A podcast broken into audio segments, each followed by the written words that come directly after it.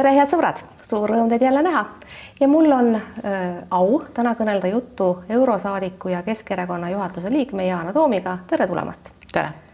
tahaksime teiega juttu teha aktuaalsetest küsimustest äh, seoses Keskerakonnaga ja võib-olla mõnest muustki äh, kahtede valimiste eelsest teemast. kuid alustagem koroonast, mis meie elu korraldab ikka veel kahjuks ebameeldival viisil peab tunnistama, et meil siin küll valmivad õunad, vihma ei tule üldse, aga kolmas koroonalaine on ametlikult välja kuulutatud ja erakonnad arutavad jõudsalt selle üle, mismoodi peaks sellele vastu minema. Reformierakonna juhtimisel on välja käidud mõtted, et vaktsineeritud võiksid saada eeliseid kolmanda lainega toimetulekus. ma olen märganud, et Keskerakonna liikmetele säärane suhtumine eriti peale ei lähe. missugune on teie seisukoht ja kuidas peaks seda korraldama? No erakonnas minu teada neid arutelusid ei olnud või kui olid, siis mina seal ei osalenud, kuna meil just praegu lõppes see parlamendi hooaeg.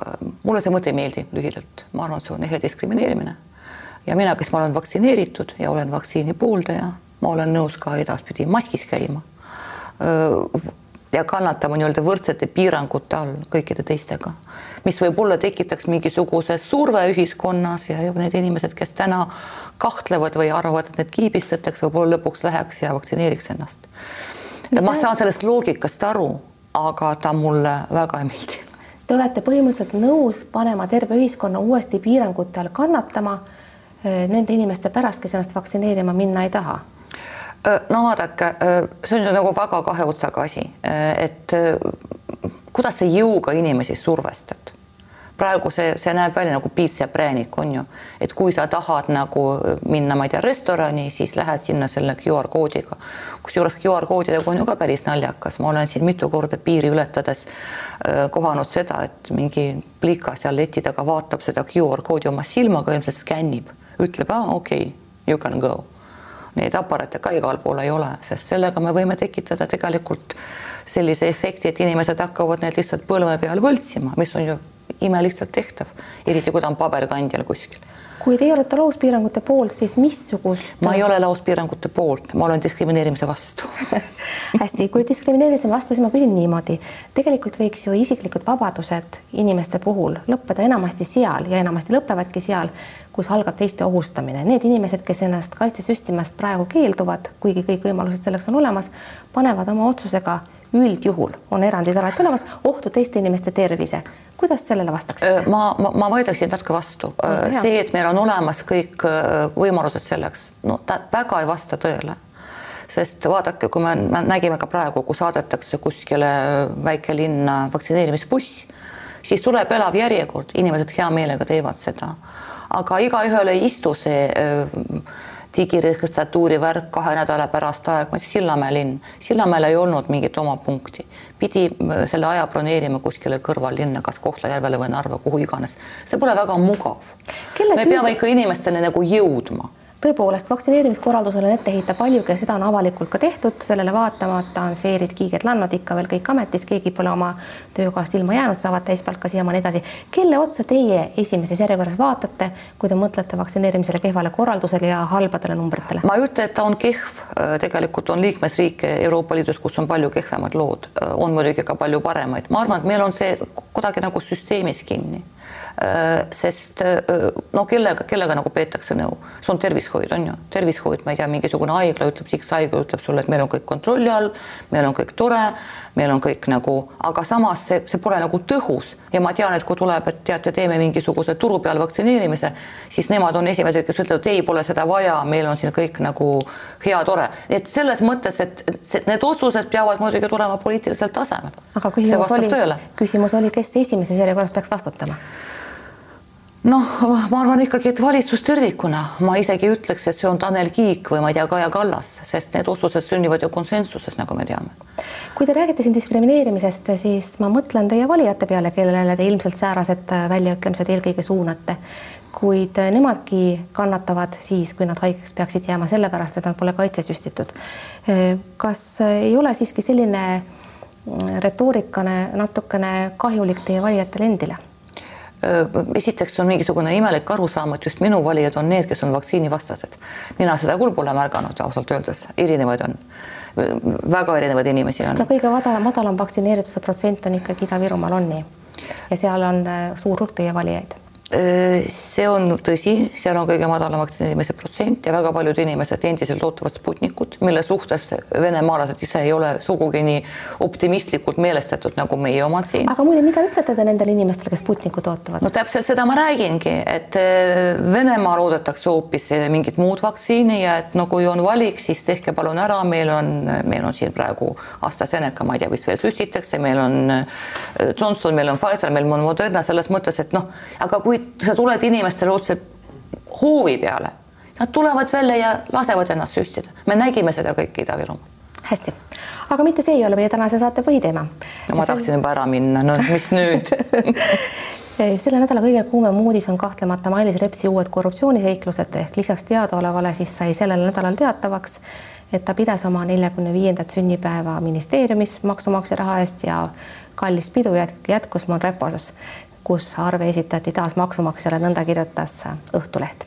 kas teie käisite sellel kuulsal peol, saite ka midagi suhu? ma ei kuulu Mailis Repsi isiklike sõprade hulka. Te ei olnud kutsutud? ma ei käinud seal sellel peol. hästi, aga selline info, arvestades kohvimasinat, perereise, lennupileteid, kütust ja mis kõik on Mailis Repsiga juba seostatav, selline info ei tohtinud teile ilmselt tulla üllatusena või tuli siiski? muidugi tuli üllatusena muidugi tuli, no kui sa lähed no, sünnipäevapeole, no kui te tulete sünnipäevapeole, te ei küsi ju ukse sees, kes selle kinni maksab, on ju. poliitikud tulete... omavahel tegelikult ju võiksid eriti kui nad on keskerakondlased. teate, ma arvan, et noh, kuulge, see praegu on mingisugune kohatu irvitamine, vabandust, no see ei ole normaalne, on ju, sa tuled peole, sa tuled peole, kui sind kutsutakse peole, sa eeldad, täpselt nagu ütles Enn Eesmaa, kõik kohalviibijad eeldasid, et noh, pole mingit kahtlust ka pole olnud, et inimene saab endale lubada ühe restorani peo mitte ainult minister, iga inimene põhimõtteliselt noh, kui ta nagu pingutab selle nimel, nii et see oli kõigile üllatus. kui see vastab tõele, see on muidugi väga-väga piinlik lugu ma nimetasin siin juba eelmist küsimust esitades kõiki neid teisi korruptiivse maiguga kaasusi, mis tõsi, ei ole veel jõudnud süüdistuseni, ammugi mitte süüdmis, süüdimõistmiseni, kuid noh, need moodustavad teatava mustri. kas äh, teie olete saanud Mailis Repsiga suhelda pärast seda, kui ta on muutunud kättesaamatuks avalikkusele ja nagu ma olen kuulnud, siis ka erakonnakaaslastele? Ma ei ole temaga suhtunud ja pole ka proovinud, sest ma saan aru, et kui teised erakonnakaaslased, kes noh, kuuluvad nii-öelda tema lähiringi, üritavad temaga suhelda ja ei saa, no mis mina hakkan sinna nagu peale ja mida ma talle ütlen ka selles mõttes, et ma ei ole mingisugune süüdimõistev organ, selleks meil on õnneks olemas, ma ei tea, kohtusüsteem, meil on uurimis käimas, nii et mis ma siin hakkan, meil on süütuse presumptsioon lõppude lõpuks kui tõenäoliseks te peate, et Mailis Reps kogu sellest jamast puhta nahaga välja tuleb? no sellest on praegu vara rääkida, ma hoian muidugi pöialt, et see kõik oleks üks suur vale, aga no elame-näeme, elame-näeme, no ei ole väga usutav, et see on suur vale, et mingi jama seal ikka on kahjuks. Te ütlesite, et teil ei oleks võib-olla Mailis Repsile midagi öelda, kui te praegu suhtleksite ja te ei ole omavahel juttu rääkinud kuid äh, tegelikult oleks ka avalikkusel huvitav teada, mida te ütleksite, vähemasti teoreetiliselt, kui te saaksite sellest kõnelda. Äh, vaadake, ma ei taha, ma ei taha praegu panna ennast mingisuguse sellise moraalse majaka rolli, kes hakkab kellelegi õpetussõnu lugema. Äh, ma arvan, et juhatus, Keskerakonna juhatus tegi oma otsuse ära. me lähtusime sellest, et noh, mida me, mida me hetkel nagu teame või mida me, me arvame, et me teame edasi siis nüüd tuleb uurimine, tulevad mingisugused otsused, kas siis süüdimõistvad või õigeksmõistvad, elu näitab. nii et mina pole kindlasti see, kes läheb täiskasvanule inimesele loenguid pidama. Mailis on tark inimene, nagu me kõik teame. eks ta annab endale suurepäraselt aru, mis supi sees ta praegu on ja miks see juhtus. erakond otsustas, et aseesimeheks ta enam parteis ei sobi ja ta ei ole enam ka nüüd siis fraktsiooni juht, kuid ta kuulub endiselt Riigikogusse ja ja ka juhatusse sealt teda vist ei taandatud, kui ma õigesti asjadest aru saan. Kas teie hinnangul on selline erakonna reaktsioon pärast kõike teada olevat adekvaatne või tuleks seda pigem pidada poolikuks? Äh, ma arvan, et poolik ta ei ole kindlasti, sest nagu ma juba ütlesin, meil on olemas süütuse presumptsioon. Äh, me ei ole kindlasti mingisugune õigustmõistev organ ja me lähtusime sellest informatsioonist, mis meil parasjagu on. ja kuna Mailist meil seal ei olnud laua taga, nii et me ei saanud ka küsida, noh, kuidas oli, kas vastab tõele, ei vasta tõele, kuidas sa tagasi jälle otsuseid teed? erakonna põhikirja lugedes äh, võiks teha ikkagi täitsa ühemõttelise järeldusele, et kui Mailis Reps mõistetakse kriminaalkorras süüdi, siis tuleks ta erakonnast välja heita, kuid näiteks Kalev Kallo näitel me teame, et selline asi ei pruugi tingimata toimida, kuigi põhikiri seda nõuab. Kalev Kallo on asutajaliige, Kalev Kallo on Keskerakonna asutajaliige ja selles temale see põhikiri laiene. ja selles osas meil on äh, konsensus, neid asutajaliikmeid pole paraku enam väga palju siin maakonnal üldse olemas, nii et meid me ei puutu. Mailis Reps asutajaliige ei ole. mis tähendab seda, et süüdimõistmise korral tema heidetakse erakonnast välja? no niimoodi põhikiri ütleb jah. Teid ühendab peale, teid Mailis Repsiga peale kuuluvuse Keskerakonda ja selle juhatusse äh, ka tõsiasi, et te olete mõlemad paljude laste emad ja kui Mailis Repsi skandaali, äh, skandaal puhkes, siis seda aspekti toodi väga palju esile et tegemist on üksikemaga, kes peab saama hakkama paljude lastega tipp-poliitiku karjääri kõrvalt. kas teie hinnangul on see midagi, mida korruptsioonikaasusi käsitledes tuleks silmas pidada või on see rohkem kõrvaline asi selles asjas? no ma ei võrdleks neid Mailisele selles, selles mõttes, et tema ongi palju, paljulapseline ema.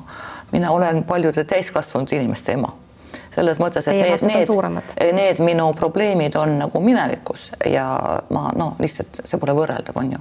ja ma pole kunagi nii palju töötanud väikelaste kõrvalt, ma istusin viis aastat kodus lastega. mul oli kolm väikelast ja ma istusin kodus nendega ja mind sisuliselt pidasid üleval minu abikaasa vanemad, lihtsalt noh, tegelesingi lastega, nii et see pole võrreldav, kui ma oleks pidanud samas tööd tegema no ma ei tea, mis see oleks, aga ma arvan, et kui me räägime nii-öelda uurimisest või õigusmõistmisest, siis see on nagu üks asi, tegelikult ma jään selle juurde, mida ma ütlesin ka varem, siis kui see skandaal lahvatas. et tegelikult, kui Eesti Vabariik tahab, et eh, tema teenistuses oleks nii-öelda nonstop kakskümmend neli seitse üks paljulapseline ema, siis selle asja juurde peaks kuuluma mingisugune sotsiaalne pakett, mis on kõigil arusaadav ja avatud. Et me teemegi selle otsuse, et me määrame selle X paljulapselise ema-isa ministriks, aga selle juurde käivad teatud hüved ja see tegelikult, mul on väga kahju, et kogu see äh, asi, mis sellele järgnes, kuidagi nagu varjutas selle sest Mailis Reps pole kindlasti esimene ega viimane äh, paljulapseline lapsevanem, kes tahab olla sellisel positsioonil ja see asi peab lahendama. arusaadav, paar sõna ka Keskerakonna reitingust, mis eeldatavasti erakonna liikmetele viimasel ajal muret teeb, mis on ka täiesti arusaadav. kui palju võiks seda olla reitingut mõjutanud, näiteks Porto Franco skandaal, jutuks olnud Mailis Leps ja miks mitte siis ka Jüri Ratase enda erakonna juhi joogid autosse. Äh, ma arvan tegelikult, et joogid autosse on tugevasti-tugevasti äh, üles puhutud äh, sisuliselt sealt, noh, teades Jürit, ma ei kahtlusta nagu sekunditki, et seal oli mingisugune eralõbu või midagi sellist, ei ole, ei ole võimalik lihtsalt, Jüri on väga selline. Te ikka lugesite seda inimene. lugu tähelepanelikult? ma lugesin seda lugu tähelepanelikult, aga ma lihtsalt tean Jüri Ratast et tema puhul mul ei teki mingisugust kahtlust, et ta saab kuidagi nagu kuritarvitada maksumaksja raha, see on välistatud, nagu täielikult välistatud. Eh, mis puudutab Porto Francot, me vist kõik lugesime seda eh, Eesti Ekspressi artikli paar nädalat tagasi, kus tuleb nagu välja väga selgelt, et tegelikult vaene Teder üritas eh, pidada võitlust linnaametnikega, kes veeretasid talle kaela oma tegemata töö, mis maksis väga suurt raha talle ja sealt ilmselt mingisugust korruptsiooni asja ikkagi ei tule. nii et teate, see loogika, et Keskerakond on kuidagi korruptiivne erakond, ma ei saa seda kuidagi nagu omaks võtta, vabandage. mina pole, mul pole korruptsiooniga mingit seost elu sees olnud ja meil on üheksakümmend üheksa koma üheksa protsenti erakonnakaaslased täpselt suhteliselt sellised. mul olid alati probleemid sellega, et ma olen, ma ei tea, Assaadi sõber, Kremli käepikendus, aga ma ei ole varas. nii et korruptsioon ja Keskerakond, neid kahte ei ühenda peale ühise algustähe mitte midagi? Korruptsioon ja Keskerakond kindlasti ei ole äh, ühe puu kaks oksa, kindlasti mitte. meil on probleemid olnud, aga need probleemid tulevad välja, me teeme koostööd uurimisorganitega, nii et ma ei usu, et siin on noh, ühesõnaga see retoorika ajab mind noh, päris nagu kurjaks, sest see lihtsalt ei vasta tõele. hästi, ma ei tahaks, et te täna kurjaks läheksite, sest mul on küsimusi veelgi või siis äh, saate olla kuri pärast saate lõppu. aga räägime mõned sõnad ka presidendivalimistest. nii rumalat olukorda, nagu praegu presidendivalimiste eel on, pole meil vist mitte kunagi olnud. milles teie hinnangul on koalitsioonipartnerite Keskerakonna ja Reformierakonna probleem, et nad ei suuda omavahel kokkuleppeid sõlmida või siis viimati tõesti ei tahagi presidenti Riigikogus üldse valida, teevad niisama teatrit? teate, ma tegelikult arvan, et ei ole pro probleem üldse koalitsioonierakondades, probleem on süsteemis endas. Et kui mõelda nagu te räägite, et sellist tsirkust pole olnud, oli küll. eelmine kord oli paras tsirkus ju. Olgem ausad. eelmine kord oli tõepoolest tsirkus, aga hoopis teistsugune tsirkus, me tundsime no, väga hästi kandidaate. hakkame nüüd defineerima, mis tsirkus oli, kas teistsugune, aga tulemus on ju sama, tsirkus on tsirkus, noh, meil on kandidaat, meil on mingisugune rahva lemmik, kes oli siis Marina Kaljurand on ju, ja siis võetakse kapist välja sõna otseses mõttes tänane president. keegi ei jõua teha isegi mingit taustaanalüüsi, no ühesõnaga lihtsalt noh, siin ta on, palun võtke et kogu see süsteem on tegelikult väga-väga vale. kui mõelda nagu selle peale, et oletame, et me oleme mingisugune ma ei tea, kaadriosakond, HR on ju, ja siis me ütleme, kuulge, tulge palun Eesti presidendiks ja keegi ei taha tulla. no loomulikult ei taha keegi tulla, ta tehakse praegu Riigikogus lolliks, aga mida? asi pole, asi pole lolliks tegemises, et see on ju väga, vaadake, praegu tehti ettepanek, koalitsioonierakonna tegid ettepaneku Jüri Raidlale, et tule presidendiks, ütles ära, ütles ära mis meil küsiti äh, Ilvese käest, kas sa tahad? ei, jumala pärast ei taha. ja kui Ilves tuli esimest korda, oli ju sama, teda ju moositi seal ja naeratati, löödi tema ümber tantsu. milles on asi, et väärikad inimesed ei taha olla Eesti Vabariigi presidendid? siin on mingi koer maetud ju aga pärast eelmisi presidendivalimisi mõistsid erakonnad üsna ühiselt, et see valimiskord vajab muutust. aga ometi seda muutust ei tehtud. seda konsensust ei tulnud jälle aga miks tookord see ühine arusaam ikkagi muudatuseni jõudnud? no teate, te peate küsima ikka nende käest, kes seal päris istuvad neid asju arutavad. mina teate. olen nagu kahe käega selle poolt, et meil oleksid presidendi otsevalimised. eile mulle hüppas silma kuskil Facebookis mingisugune uhke buss, et Poolamets Eesti rahva president. vaatad ja mõtled nagu mis asja, rahvas ei vali mis te teete nagu tsirkust, ei, ma saan aru, varsti on kohalikud valimised, et see kõik nagu lööb lained ja, aga see pole, see pole väärikas. Aga millel põhineb teie kindlus, et saaksime parema presidendi, kui oleksid otsevalimised äh,? vabandage mis, ma saan, ma saan aru küsimusest, aga see on väga kuidagi im, imelik küsimus. et te praegu küsite ajakirjanikuna minu käest, miks ma arvan, et kui öö, presidenti valib eliit, siis see president on kuidagi parem kui see president, mida valib rahvas või? minu küsimuse mõte on hoopis mujal. presidendi võim Eestis on erakordselt pisike, kuna me oleme parlamentaarne vabariik. kui ta valitakse otsevalimiste korras, saab ta erakordselt tugeva mandaadi, mida ta tegelikult praeguse riigikorra juures realiseerida ei saa, see on see kõige levinum vastuargument mida, mida no, ma siin silmas pidasin. siia teisele mitte sugugi vähem levinuma vastuargumendi, kas me üldse vajame presidenti? Kas meil on üldse vaja presidendi institutsiooni? no tähendab, kõlakad on need poliitilised kõlakad, arvan, et see vastab tõele, et siis, kui Lennart Meri valiti presidendiks, see pidi olema ajutine asi selline. Alguses, algused, esimesed aastad iseseisvusvabariik ja siis hakkas meeldima Merile. Ja siis ta jäi. Ja siis see nüüd asi läheb, milleks seda üldse vaja on? Kui see küsimus on retooriline, siis ma iseenesest mõistan, et ta on retooriline. ta ei ole retooriline selles mõttes, et kui me vaatame praktiliselt. aga siis palun vastake, põhimõtteliselt ma saan aru, teie hinnangul presidenti vaja ei ole? ma arvan, et ei ole vaja küll aga meil on see probleem, meie poliitiline kultuur on väga palju kinni selles, et meie arutelud, meil on arutelus väga palju selliseid, teate, zipp-faile, mida me kunagi nagu ei räägi lahti. on teatud asjad, mis on kivisse raiutud ja kui sa lähed need puutuma, siis nagu sa oled kohe, ma ei tea, mingisugune vaenlane, sa tahad õõnestada korda, mida iganes. et see tegelikult väga tugevalt nagu õõnestab kogu seda diskussiooni. meil ju sisuliselt poliitilist diskussiooni pole olemas teatud asjadel, noh, neid on tegelikult väga palju, ma ei tea, kas seesama, ma ei tea, vene kool või topeltkodakondsus või mis iganes, need on siit valida, neid me ei puutu ja me võime rääkida või mitte, aga see, mida ütles kunagi Taavi Rõivas, et peenhäälestamise valitsus, tegelikult on ju poliitiline reaalsus ta. tavaliselt ongi nii, et on teatud asjad, millest me ei räägi, me ei julge neid puutuda ja siis see, mis jääb, seda me häälestamegi. hästi, aga selle teema lõpetuseks lühidalt, kui te ütlete, presidenti ei ole vaja, sisuliselt ma tõmban siit järe, sellise järelduse, et tõenäoliselt eelistate te rohkem võimu anda näiteks peaministrile, mis tuletab mulle meelde Jüri Raidla riigireformi idee. miks, miks peaminister, miks peaminister? kuidas te mõtlete? see võib olla õiguskantsler okay.. see võib olla, ma ei tea, parlamendi spiiker selles mõttes, et need asjad, see ei pea, see ei tähenda seda, et noh, mida Siim Kallas siin pakkus, et võiks nagu öelda, et ei asi pole selles, keegi peab ka tasakaalustama seda valitsuse või peaministri võimu. õiguskantsler sobiks sinna väga hästi sellesse rolli. hästi, selle teema lõpetuseks kuidas suhtuda inimestesse, kes on nüüd asunud ennast ise välja pakkuma, näiteks Kaimar Karu eile kuuldavasti sai avalikuks, et on kuuldavasti saatnud sõnumeid nii Jüri Ratasele kui ka Kaja Kallasele, et on valmis hakkama ja mõned teisedki on oma nime ise välja käinud. siis jällegi kolmandad on teatanud, et nemad mingil juhul ei soovi seda tavaliselt kipub poliitiline reaalsus olema selline, et kes end ise välja pakub, see kindlasti presidendiks ei saa. kuidas teie hinnangul peaks käima? no ma, mis ma hakkan kuidagi nagu suhtuma, no Kaimar Karu oli kuuldavasti väga tubli minister, väga julge inimene, teeb selle ettepaneku, miks ta seda teeb, ma ei tea, ilmselt ta hindab oma šansse, ta saab aru, et tal on täpselt null šanssi saada presidendiks, aga mingil põhjusel ta ikkagi seda teeb no,. soovib lihtsalt tähelepanu. vaba, ei, ma ei tea ma ei tea, ma ei arva, et ta, ta, ta ei jäta sellist nagu PR inimese muljet, aga no ilmselt ta arvas enda jaoks, et see oleks hea võimalus ja miks mitte tegelikult noh. jumala eest. keda tahaksite teie isiklikult presidendiks valida, kui see oleks teie otsus? keda tahaksite te sellel kohal näha?